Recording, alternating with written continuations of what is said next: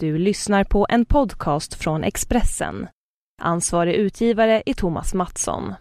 Fler poddar hittar du på expressen.se podcast och på iTunes.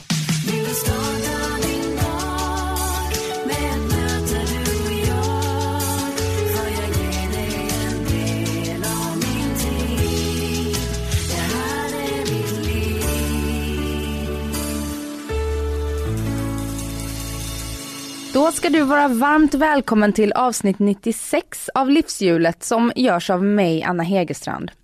Eh, den här veckan träffar jag skådespelerskan Magdalena Indebeto som just nu eh, spelar huvudrollen i Kjell Sundvalls nya film I nöd eller lust. Och filmen har premiär på fredag runt om i landet och det här är en hektisk vecka för Magdalena med pressträffar och allt annat. Så jag är jätteglad att hon ville kika förbi Expressens poddstudio för att berätta om sitt livshjul. Varsågoda Magdalena Indebeto. Nu kör vi då. Ja, kör. Välkommen hit. Tack. Hur mår du då? Jag mår, um, jag, jag ska rita det här, för skala 0 till 10 eller vad har vi? Nej men du behöver inte tänka på fyra, det. Fyra, fyra. Nej men så här gör jag med allting. Det är Aha. ett av mina bästa redskap, det använder jag ofta. Liksom. Okej, eh, vad skulle man sätta på betyg på den här rätten då? Eller den här dagen, eller den här upplevelsen, den här filmen eller den här. Ja. Hur, hur, många betyg blir det om dagen? Ja, det blir, jag, jag är en räknare, jag är jätteintresserad, jag tycker statistik och matte är kul. Så, där. så att, eh, det blir ganska många. Min dotter brukar säga sluta räkna, sluta räkna, jag räknar liksom på allt. Um, men säg kanske fem, sex betyg om dagen i alla fall, det tycker jag. Vad får den här dagen för betyg? Den har precis börjat va, så det är ju lite för tidigt för att sätta det. Men jag tycker den började lite svagt. Uh, man säger 0 till 10 skalan så skulle jag lägga en, en 4. Men det är ju inte jättedåligt. Men jag menar, den har ju precis börjat som sagt så att man bör jobba sig upp mot en 5, 6 i alla fall tycker jag. Jag börjar dagen med en 10 så kan det bara bli sämre. Ja exakt. Efter regn kom sol och allt det där. Ja exakt. Mm. Och äh, jättekul att du är här i alla fall. Vi hoppas vi kan plocka upp betyget lite nu genom en trevlig pratstund. Jag känner redan, närmar mig femman. Alltså. Ja men det väl bra. Och du står inför mycket roliga grejer. Absolut. Ja, när den här eh, podden släpps så är det två dagar till premiären av din nya film i Nöd eller lust. Det blir jättekul. Mm. Det blir en tia direkt. Jag såg trailern precis innan jag åkte iväg här till Expressen. Ja. Den verkar händelserik och galen. Mycket händelserik och galen, men det, det ska det vara. Mm. Kan du inte berätta lite om den? Jo, um, det är ett bröllop. Helt kort, det är ett bröllop som går åt skogen. Uh, jag tycker det är en väldigt bra setup därför att alla sådana här stora tillfällen i livet, bröllop, studenten eller vad det nu är, handlar om. Det inbegriper så mycket förväntan. Man är så orolig, det ska bli så perfekt, det ska vara så bra allting. Och när det faller så blir fallet desto svårare. Och det fall är alltid roligt, det är humor. En förväntning som inte, som går i kras helt enkelt. Och samtidigt slutar den eh, ganska positivt ändå. Det är en romantisk komedi. Det är en romantisk komedi. Det handlar om ett par som inte har det så himla bra. Eh, men som eh, bestämmer sig för att okej, okay, vi, vi har det skit du och jag. Men vi döljer det här. Eh, vi, vi, bara tre dagar nu så spelar vi upp för vår, vår familj att vi har världens lyckligaste äktenskap. Eh, och sen skiljer vi oss. Det är deras setup liksom för den här helgen. Och det är ganska svårt att dölja. Bara det är ju humor för jag tror att det är ganska många som eh, lägger på den här ytan och döljer. Absolut, jag menar, alltså, jag, jag, hur många gånger har man inte gjort det? Alltså, jag hatar inte, du ska bara passa dig jävla noga. Och sen Hej, vad kul! Välkomna! Vad roligt att ni är här. ja, det blir beff bourguignon. Men du som är skådespelare, du skådespelar du mycket privat också? Jättemycket. Gör du det? Ja. Jag som hade tänkt att det här skulle bli en ärlig intervju. Oj. Du får lov att släppa lite på, på det där nu då. Ja, jag ska stund, under stundom ska jag göra det. Ja, det jag är jätteroad av att um, um, leka med sanningen på det sättet. Det är roligt. Att ljuga eller? Ja, du kallar det för ljuga. jag kallar det för leka. Ja, det låter ju lite snällare. Ja. Det tillhör väl yrket, tänker jag. Jag kan tycka det är väldigt kul att ringa till mina kompisar och säga eh, ljuga att jag är någon annan och driva det ganska långt och sen släppa det. Det är roligt. Men det är ju kul, det skadar ju ingen. Nej. Du ser lite rädd ut. Ja men redan när jag träffar dig, du, du har en ganska eh, eh, bestämd framtoning. Är det sant Ja, alltså? ja. Det är ju intressant. Du tar för dig, det är ju bra, det är skitbra. Du tar för det dig. det Det Men det skrämmer mig lite. är det sant? Jag tycker det är jättekonstigt. Alltså, Jag, du är ju liten och, och, Ja. och sådär så att du borde inte vara så skrämmande. Nej exakt, jag är ju så liksom behändig. Mm. Är du det då, eller bara ser du behändig ut? Jag ser nog bara behändig ut. För det här, om jag ska vara ärlig, så här, det är inte första gången så här. Jag hör här det du säger. Att man blir liksom lite rädd för mig. Och jag är liksom 1,59 lång och liksom snäll gammal morsa. Liksom. Hur fan kan man vara rädd för mig? Oj, jag svor, svor lite där. Men kan det komma från att du, att du är liten, att du måste bekrä- eller, vad heter det, hävda dig? Men min, alltså det är det som är så komiskt också, det brukar min man skratta jättemycket åt. Att jag, min självbild är att jag är liksom typ större än du. Du är som en liten hund. Du Ja, vet, men de jag, tror ju det. Ja, jag upple- min upplevelse är att jag ser, nej, jag upplever mig inte som alltså, kort eller sådär. Nej. Men vad tror, du, vad tror du det kommer ifrån den här... Eh, Jag tror så här, eh, om jag ska snabbt, jag har ju teraperat mig för säkert en bilkostnad så jag eh, har ju analyserat det ganska många gånger. Jag tror att eh, eh, jag har ganska god självkänsla. Och jag tror att eh, det är jag tacksam för. Men jag tror också det handlar om eh, min uppväxt, att jag är ganska, jag är ganska sedd som barn. Um, jag är ensam barn. Om det står en tårta på bordet så tror jag att, nej men gud vad snällt, har ni gjort en tårta till mig? Jag upplever att det är mitt, eller att jag får. Att folk är snälla mot mig, att jag behöver inte... Jag, jag upplever mig inte i konkurrens på det sättet. Förstår du mig? ja, jag förstår dig. Jag känner liksom att um, världen tillhör mig och att jag är glad och mår bra i det. Kan det få komplikationer i, i dina relationer och i din vardag? Ja, det kan få komplikationer på det sättet att jag kan... Jag har svårt att... Eh, ah, jag vet inte. Men jag kan tycka att det är svårt att... Ibland kan jag ha, ha svårt för att förstå avundsjuka till exempel. Och det är ju en väldigt vanlig, enkel, självklar känsla som många man drabbas av. Liksom. Kalanka, man, från man är liten så förstår man det. Eh, kanske framförallt om man har syskon, man ska dela på glassen på fyra bitar exakt lika stora allt det där. Eh, och för mig så, jag har svårt att uppleva det. Låter det konstigt? Ja, lite. Vad jobbigt. Det som, eh, som är lite spännande är att jag har försökt göra research på dig Mm. och det är ganska svårt. Det finns eh, topp tre när man googlar dig, det är väl din Wikipedia-sida, det är någon pokersajt och det är din hemsida. Mm. Mm. Vem är du? Ehm, jag är en ganska vanlig kvinna eh, i medelåldern eh, som bor i stan tillsammans med min familj. Jag är, ganska, jag är väldigt mycket så här familjemänniska. Um, det var en bra fråga, det var en svår fråga. Vem är du? Ja. Jag är en vanlig tant i mina bästa år som, har ett, eh, som jobbar som skådis och manusförfattare och pokerspelare. Helt enkelt. För det är ju helt självklart. Och du har själv tre barn. Jag har tre barn. Mm. Eh, en som är 24, en som är 21, en som är 11. Och jag kan eh, alltså jag har sen jag var ung, jag fick barn när jag var ganska ung i Stockholms mått mätt, inte i andra mått mätt kanske, men i min umgängeskrets. Va, Du var 26. Ja, 25-26. Mm. Och jag liksom, eh, i min umgängeskrets så fick, får man ju barn när man är typ 43. Eller 40 så här. Det ser ut som att det har brunnit när man går upp på föräldramötena. Det är vitt överallt liksom. Ja men det är verkligen så. Vi bor på Söder och jag vet inte vad det är för average på första barnet men det är väl typ 38 kanske. Så att jag känner mig ganska, det var vi och barnen. Men för mig, jag har alltid levt med dem och jag tyckte det var jättekul. Och jag har inget annat, eh, ingen annan erfarenhet liksom. Så jag har levt mycket i min familj. Och de har varit en väldigt stor del av mitt liv liksom, kan man säga. Och sen fick du också din yngsta då för 11 år sedan Mm. när du var 39. Och då var jag i fas med de andra. Ja. Det kändes ju helt normalt. Fast för mig kändes det som att jag var jättegammal i förhållande till dem. Liksom. Eftersom jag redan hade gjort allt det där innan. Men det har varit jättekul och liksom, det är kul att ha barn i olika åldrar. De passar varandra och de är roliga liksom, på olika sätt. Det är kul. Är du duktig på att eh, föra in din extrema, extremt goda självkänsla i dem? Det vet jag inte. Det är ju det är inte bara man själv som gör. Eh, men man försöker väl. Jag tror att när man får barn så gör man allt vad man kan. Och man försöker göra så bra man kan för det är den viktigaste uppgiften i livet kanske. Uh, och man kommer alltid uh, misslyckas lite. Alltså man gör så gott man kan men det blir inte riktigt bra.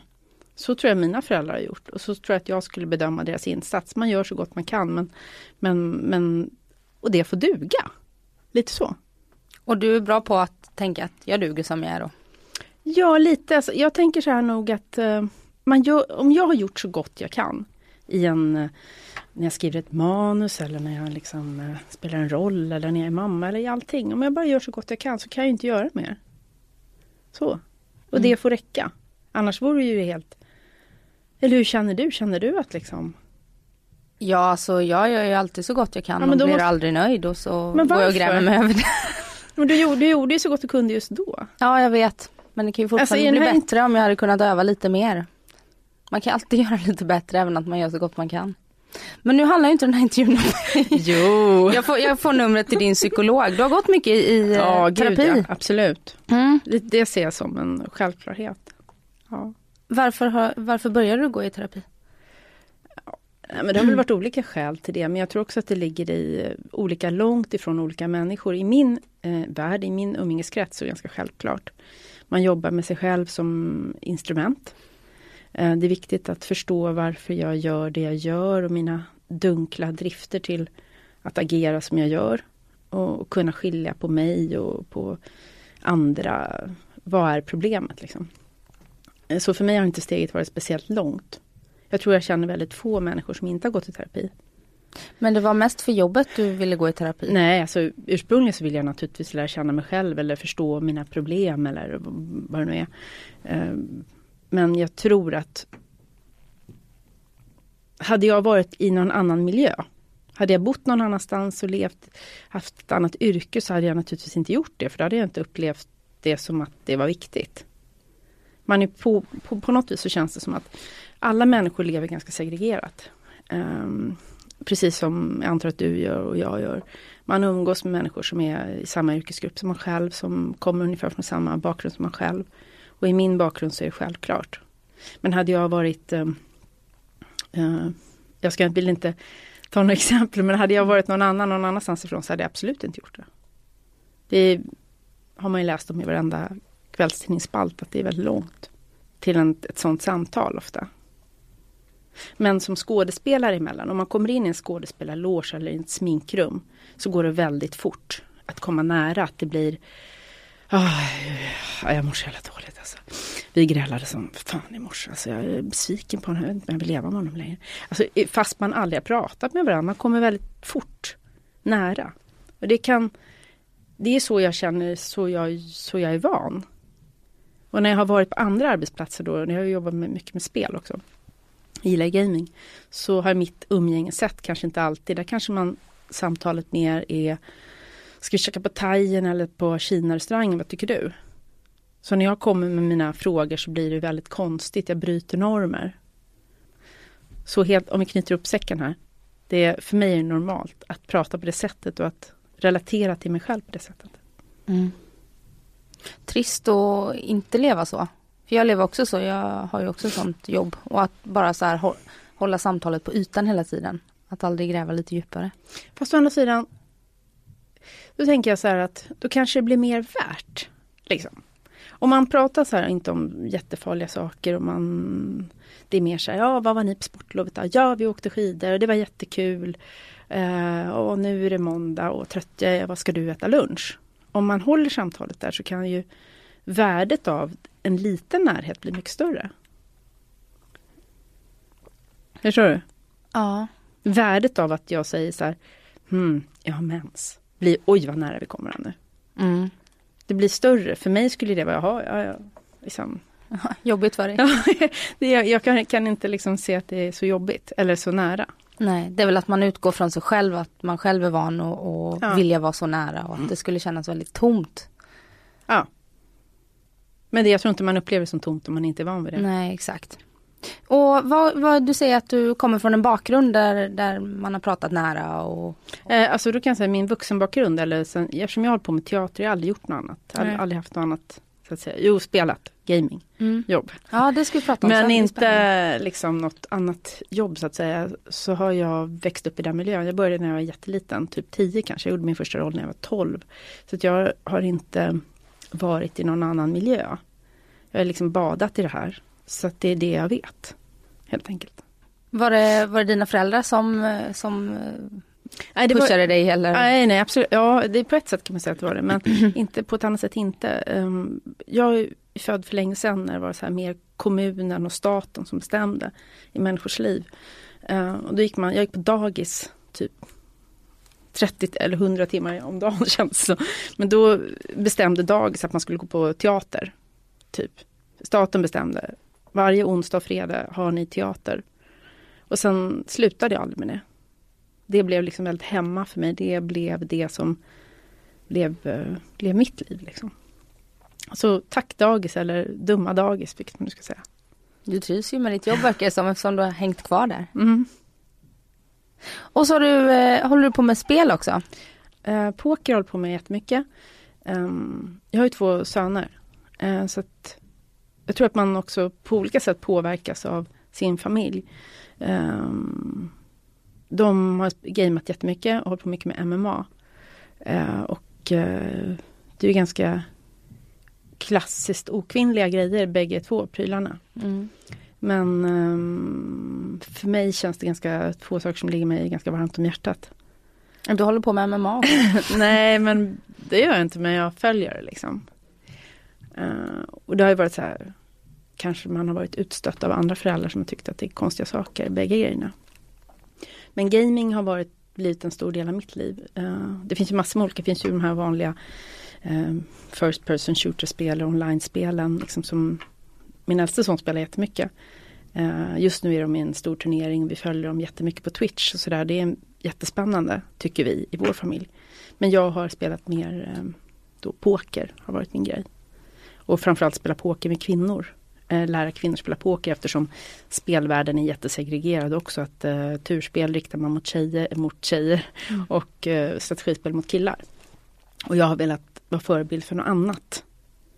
Någonting eh, modernare. Liksom. Att visa att tjejer spelar också strategispel och att vi gör det bra. Är du duktig? Jag är grym. Såklart.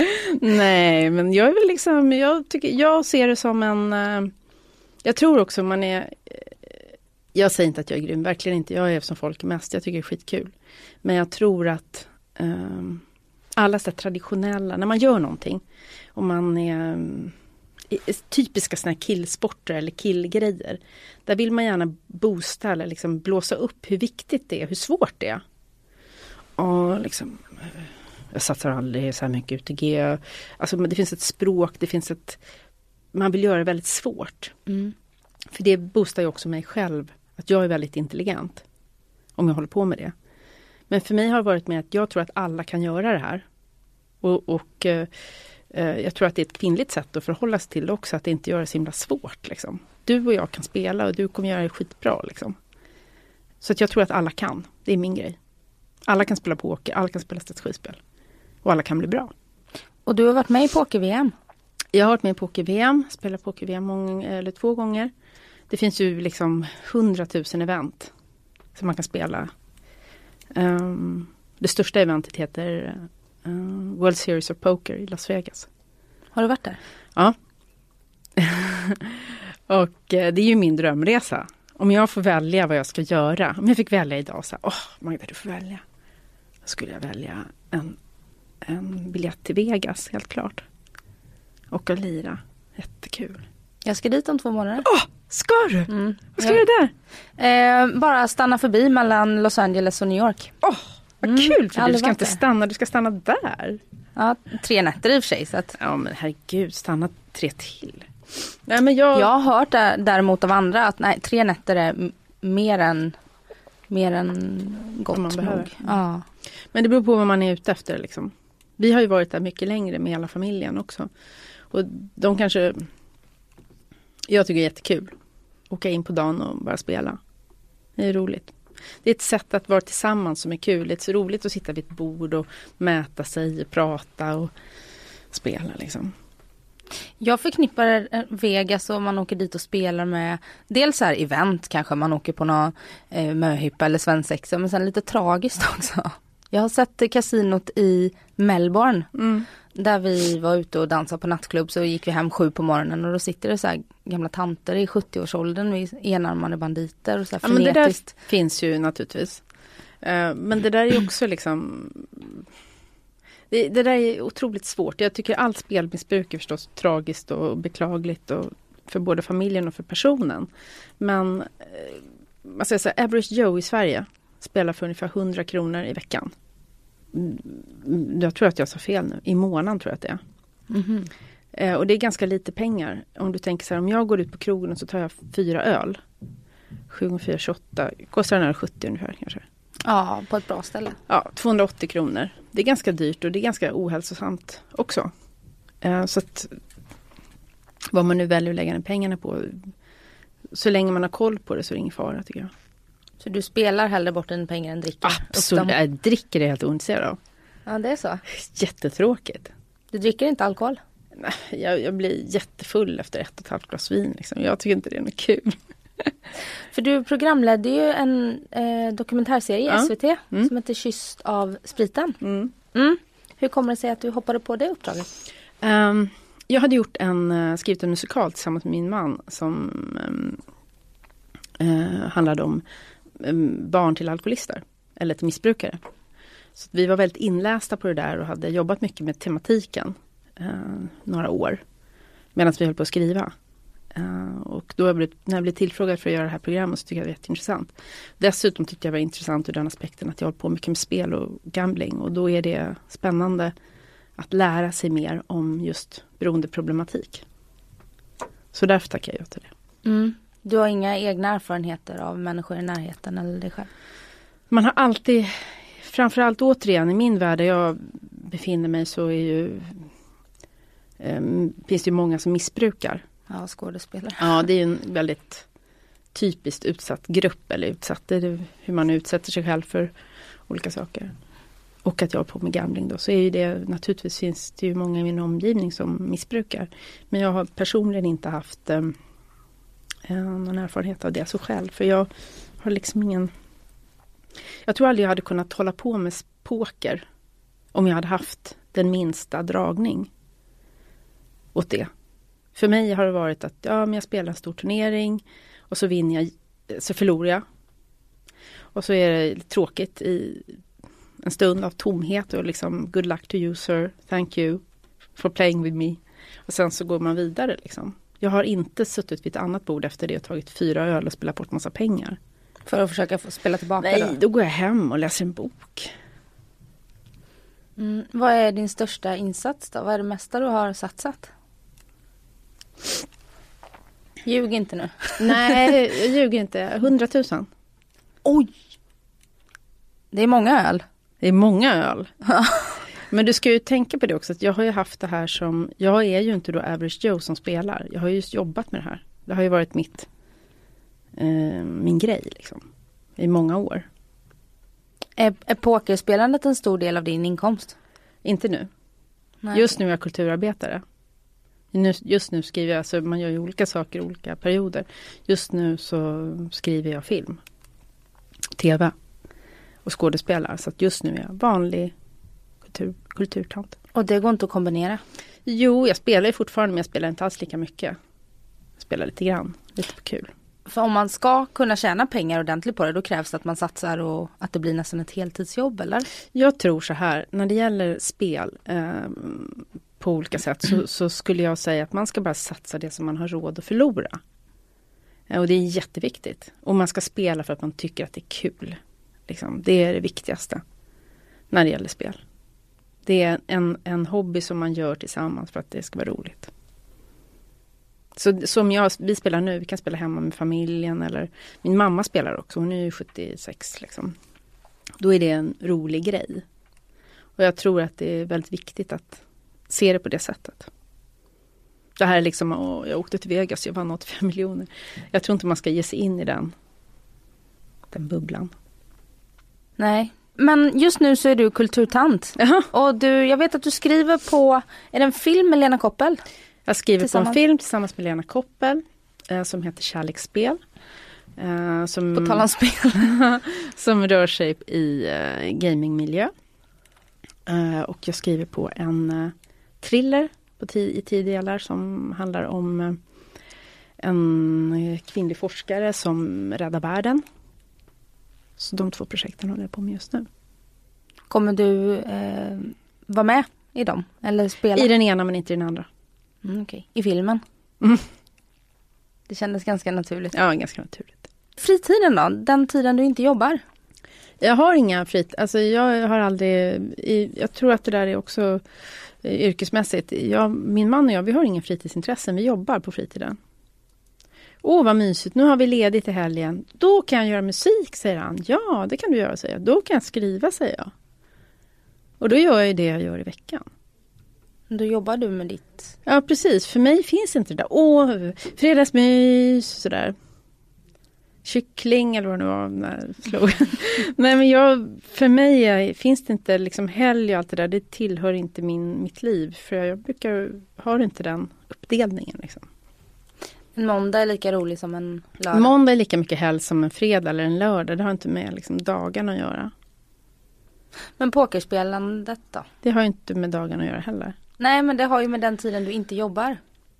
Jag har ju ofta eh, Vad gör du då? Eller liksom, vad menas med fritidsintresse? Så här, jag tycker det är svårt. eh, Mitt fritidsintresse är, jag tränar på min fritid. Ja. Det ser jag som fritid. Mm. Eh, det handlar ju mer om hur man ser. Vad är fritid? Liksom? Den tiden du inte ser som jobb, som nödvändig för liksom Tänk det du gör när, när en lärare går till jobbet. Jo men jag har lärare. inga sådana jobb.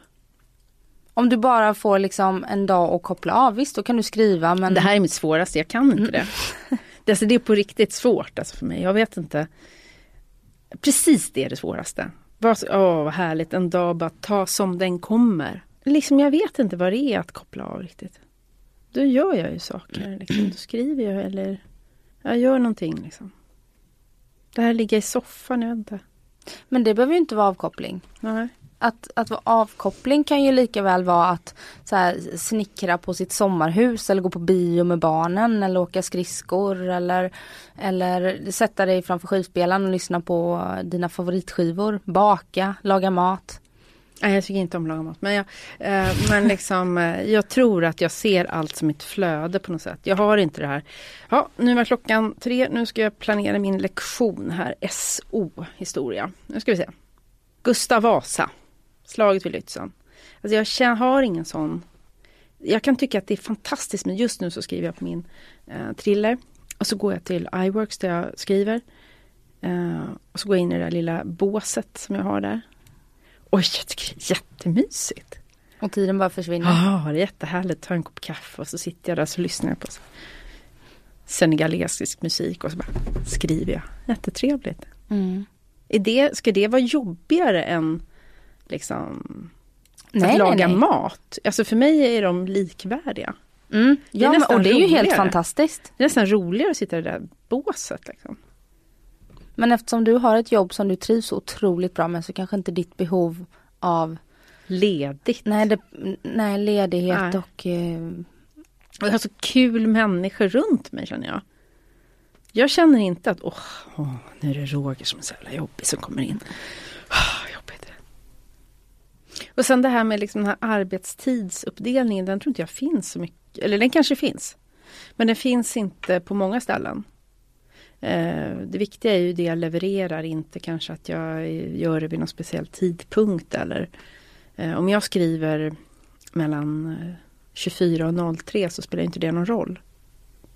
Liksom. Det viktiga är ju att jag gör det. Och att det blir bra är nästan, ja att det blir bra är ju ett. Sen kan jag känna att jag har svårt, jag kan till exempel, jag tycker inte om att vara hemma. Därför att hos oss har vi alltid haft så mycket folk hemma hos oss. Det är som liksom gallerian och jag kan inte koncentrera mig utan jag måste gå hemifrån. Liksom. Men du gillar inte att laga mat? Ja, men jag lagar sjukt mycket mat. Vi, har liksom, ja, men, vi är väldigt ofta väldigt många hemma som äter. Vi har mycket gäster, vi har mycket folk. Eh, jag lagar mycket mat. Men jag är inte så road av det. Det är mer så här, jag gör det. Och jag gör det anständigt och värdigt. Det är ett nödvändigt ont för att få ha de här sociala tillställningarna? Nej, nej men så här, vi har alltid varit väldigt eh, konservativa med mat. Sådär. Vi äter varje eh, dag, samma tid. Hela familjen tillsammans har gjort det liksom nästan alltid. Det känns som att det är viktigt, en viktig stund. Eh, och att det är viktigt att det finns en dessert, att det finns kanske en förrätt, att det är ordning på det här. Därför att Varje det, dag? Ja. Därför att det är ett möte mellan, ja det är en viktig kontaktyta liksom. Jag, jag har bott många år i Frankrike och mina barn är halvfranska. Och det kan ju komma därifrån att liksom, att för oss har det blivit en vana. Liksom man har servett. Man sitter där och sitter. Man dricker kaffe efter maten vid matbordet. Och då är det ett åtagande kan man säga. Din man är fransman då? Nej, min förra man är fransman. Min nuvarande man, han är svensk. Okej, så eh, han tog ditt namn då när ni gifte er? Nej, eh, jag heter Laurent Indebeto. Ah. Ah. Men Indebeto holländskt namn. Ah, Okej, jag trodde det uttalades Indebetu. Nej. Och det låter ju väldigt franskt. Ja. Tokigt. Ja, Men du ska tänka liksom så här, in the ghetto. Indebeto. Ja, precis. Och hur länge har du varit ihop med din nuvarande man? Ja, kanske i... Vet inte riktigt. Kanske 15 år någonting. Mm. Ja. Så hade du två barn från en tidigare Ja. relation och så har ni Mm. lilltjejen ihop. Yes. Som inte är så liten längre i för sig. Nej. Nej. Och han är musiker. Han är musiker. Och vad var det som gjorde att du drogs till honom då? Väldigt tydligt och konkret faktiskt att han är eh, helt eh, orädd eh, för alla slags samtal. Och det tycker jag är väldigt attraktivt och roligt. Det finns ingenting jag inte skulle kunna säga till honom överhuvudtaget. Och att det är roligt. Det finns en väldigt tillåtande attityd och det tycker jag är attraktivt. Smart, bra. Har han gått i terapi lika mycket som dig då? Det har alla jag känner. Ja, det är ju bra att han är orädd för det tror jag att man behöver vara om man lever med dig. Nej men nu är du där igen. Nej, det, var, det är inget negativt. Det är Alltså, det är ingen negativt. Vad ska du nu. säga liksom? Du Nej. måste ju säga något. Du måste ju säga att det är inget negativt. Nej men det är inget negativt. Jag önskar vara. att jag vore lite tuffare. Men jag har inte sagt någonting som är tufft. Jag har ju bara stått Nej men det är din framtoning. Jag säger inte att det är att, eh, att du är elak. Men du har en ganska tuff framtoning. Jag, jag känner ju inte dig. Nej. Du kanske är elak. Står och hånskrattar åt mig. Nej men förstår du vad jag menar? Jag önskar att jag kunde ha en lite tuffare. Det får jag kritik för i den här podden till exempel. Att det är så här, ja men du ställer så snälla frågor och för att jag eh, eh, Du vill inte vara obekväm. Nej jag vill nog inte vara obekväm. Men det är en ganska... nu har jag varit lite obekväm. Du säger att jag är Men elak. Nej det Men säger du jag säger inte. att jag tar det bra. Ja det gör Du du. kan ju använda mig som testobjekt. Liksom, objekt. Mm. Du, du är ju van att få höra att du, att du har en tuff framtoning. Det är ditt nya tuff framtoning. Ja. Det är okej att säga. Ja, Okej om du vill säga. Nej men jag, jag, jag tror att, ja. Nej men så kanske det är. Hur funkar det i skådisvärlden när alla vill synas och höras? Jag känner mig inte som en riktig skådis kan jag säga. Alltså inte så, men jag känner mig, jag har... Eh, jag gör så många saker. Ehm, jag, jobbar, jag tycker det är jättekul att driva projekt. Jag driver mina film och manusprojekt. Jag driver andra saker. Så att jag kan inte liksom alltid identifiera mig precis med den världen. Och jag har inte heller kanske haft den här stora drivkraften att bli sedd. Liksom. Att eh, kämpa för det. Utan jag har inte haft eh, det behovet tror jag. Och därför kanske inte är likadan. Jag har aldrig drömt om att spela Medea på Dramaten. Liksom. Nej. Vad vill du göra här framöver då? Jag vill göra mina projekt. Din, filmen och Jag vill göra min tv-serien? film och jag vill göra min tv-serie. Jag vill skriva på dem. Jag vill berätta om saker jag tycker är viktiga och skriva om dem och driva de projekten. Och, och skådespelarna, jag får roliga skådespelarjobb. Jag tycker det är jättekul. Det är som två olika världar. När man skriver så, så är man ju in och skapar och hittar på eh, människors sjuka fantasier och vad som händer med dem. Det är jättekul. Det är som en dockskåpslek liksom. Fast för vuxna. Eh, och skådespeleriet är en helt annan låda som jag drar ut. Det är någon annan som sätter en väldigt tydlig ram på det här, det här är du och det här ska du befinna dig i. Och det är också en väldig frihet att få den ramen. För då kan jag må bra i den ramen och vara den här karaktären som regissören vill. När du skriver själv och sådär och är van att liksom Mm. sätta ramen. Mm. Är det inte svårt då att, att ta till sig någon annans ramar och nöja sig med det? Jätteskönt. Han släpper på kontrollen. Ja, jag, tycker, jag har inga problem att släppa kontrollen. Jag litar alltid 100% på den regissör jag har. Eh, jag känner inte att jag, jag tar lätt den platsen. Alltså, jag behöver inte ha mer plats än den plats jag får så att säga. Och det är en frihet. Och jag känner alltid att i princip alltid har alltid kunnat lita väldigt mycket på regissören. Om de säger, jag tror att du ska bada i den här vaken nu. Och sen slår honom på käften där, den andra björnen som är i vaken. Då känner jag att det känns rätt för mig. Tillit liksom. Och vi ska avsluta här idag med att sätta de där betygen du var så inne på. Nu ska vi snacka siffror här. Mm, vad kul. Mm, och från 1 till 10 eh, på de här eh, åtta tårtbitarna i livshjulet. Och då börjar vi med kärlek och din kärleksrelation först. Just nu. Just idag så tycker jag att ja, men vi har haft lite för lite tid tillsammans men jag sätter faktiskt ändå en sjua. Mm.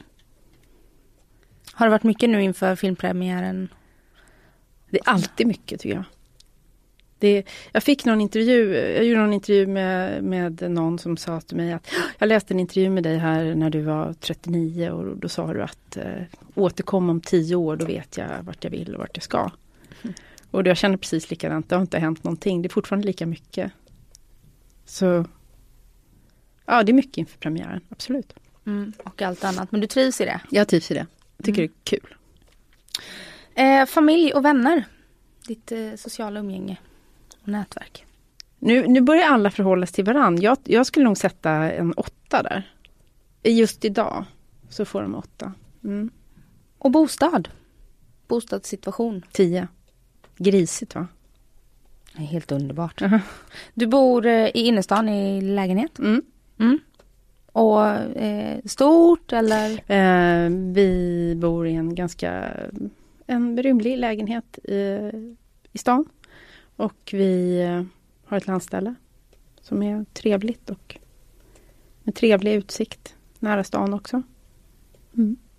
Har du inte fritid när du är på landstället? Då har jag värsta uppkopplingen där. ja, du har det va? ja, det där är en annan sak. Ja, det tycker jag är härligt. Ja, jag vet att du tycker det. tycker det verkar skitjobbigt så här. Vi har utedass och liksom hämtar vatten i hinkar. Och, Ja, nej. och sen så har vi ingen uppkoppling. Och jag stickar min stickning. Och vaskar min... Nej, jag, nej. Inte jag. nej. Du gillar det moderna samhället.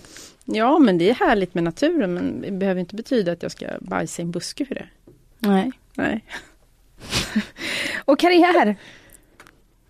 Ehm, ja, då skulle jag faktiskt... Då, då säger jag... eh, sju. Sju. Mm. Varför då?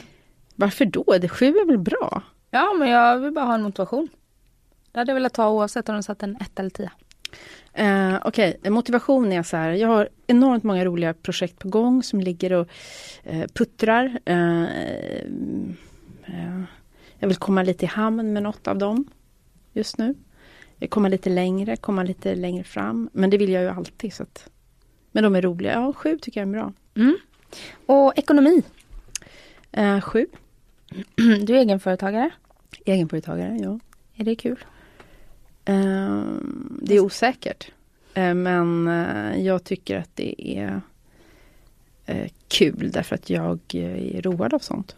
Jag, tycker det är, ja, jag har inga problem med det. Nej. Jag trodde att alla var det förut. Jag trodde inte alls att det var speciellt ovanligt. Men sen googlade jag på det där och det var ju typ bara 6% som var egenföretagare. Av skådespelare? Nej, ja, i Sverige. Jaha, ja, Ja. ja. Jag trodde det var liksom... Men det är för man lever i Stockholm och där, är ju, där tror jag procenten måste vara högre. Är det så? Ja, jag känner jättemånga. Jag är själv egenföretagare. Mm. Jag tycker det är svinkul. Ja, Jag, jag, och jag tycker det är kul att bokföra. Många säger åh gud, så bara bara kvitton. Jag är älskar att bokföra, jag tycker det är jättekul. Ja. Jag och min mamma har våra moments när vi bokför. Hon hjälper mig med det. det är skitkul.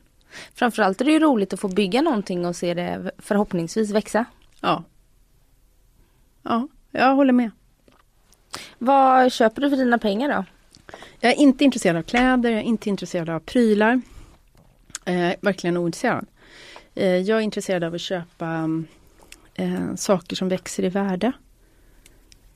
Eh, sten. Nej men så här, eh, förbättra i lägenheten eller bygga till på landet eller göra saker som liksom växer. Jag tycker resa kan jag tycka, ja det är kul. Men att um, jag skulle inte... Jag är ingen shoppare liksom. Åh vad kul, ska jag till London och shoppa! Nej, jättetrist. Vad gör du när du åker till London då? Jag hittar en pokerlokal, spelar. Eh, sen mysigt att vara med barnen förstås. Leka, och mm. göra saker.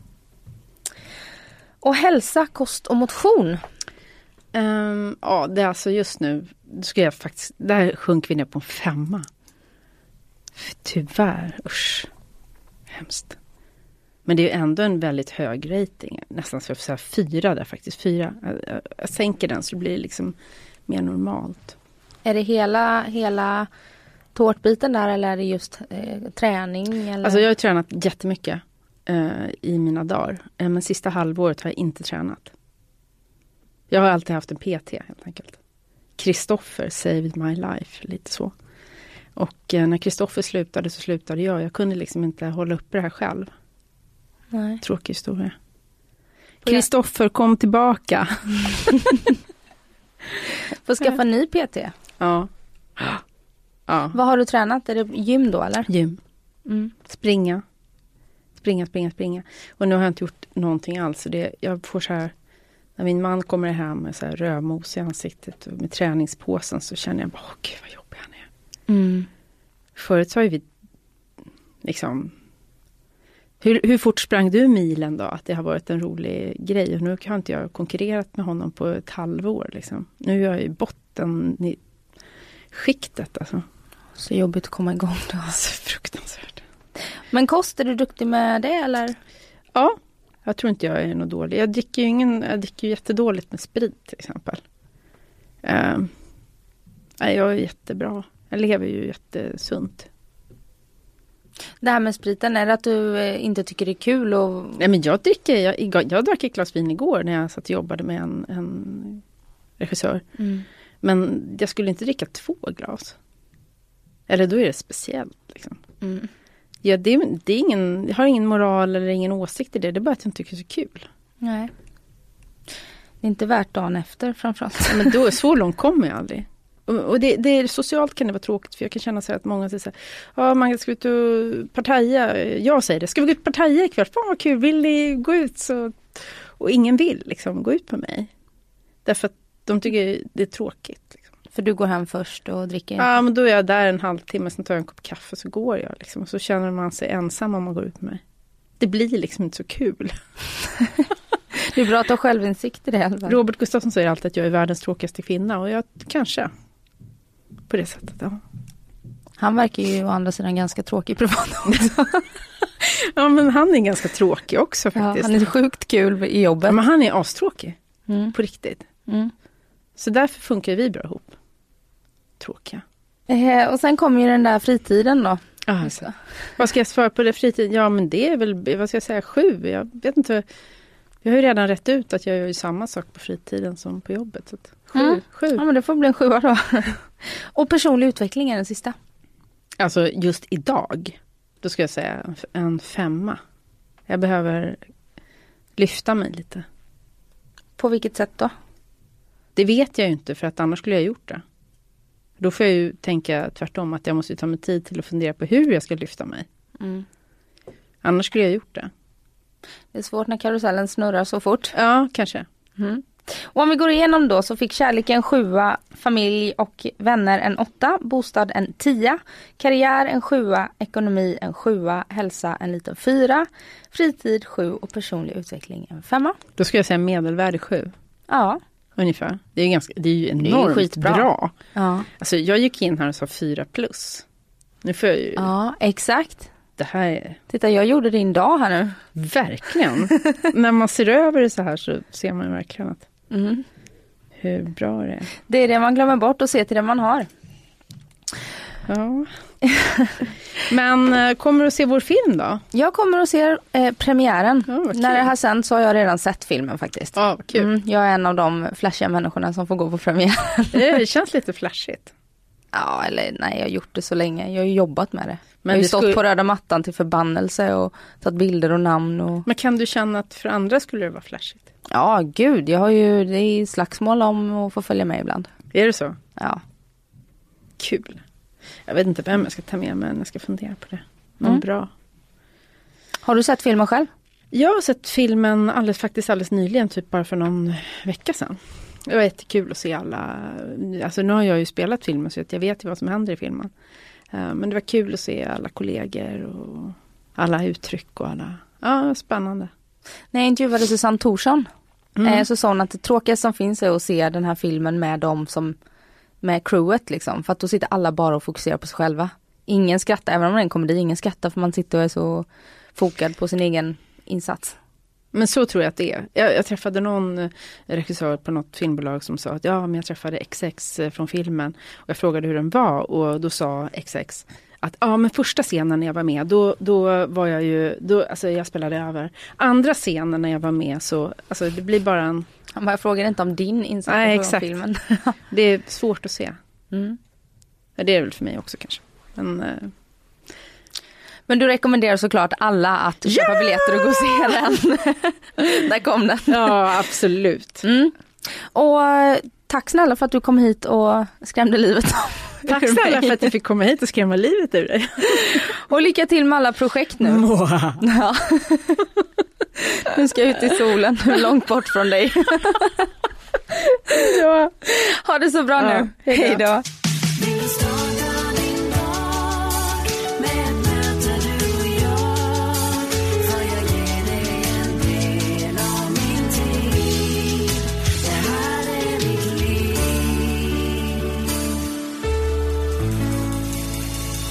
Du har lyssnat på en podcast från Expressen. Ansvarig utgivare är Thomas Mattsson. Fler poddar hittar du på expressen.se podcast och på iTunes.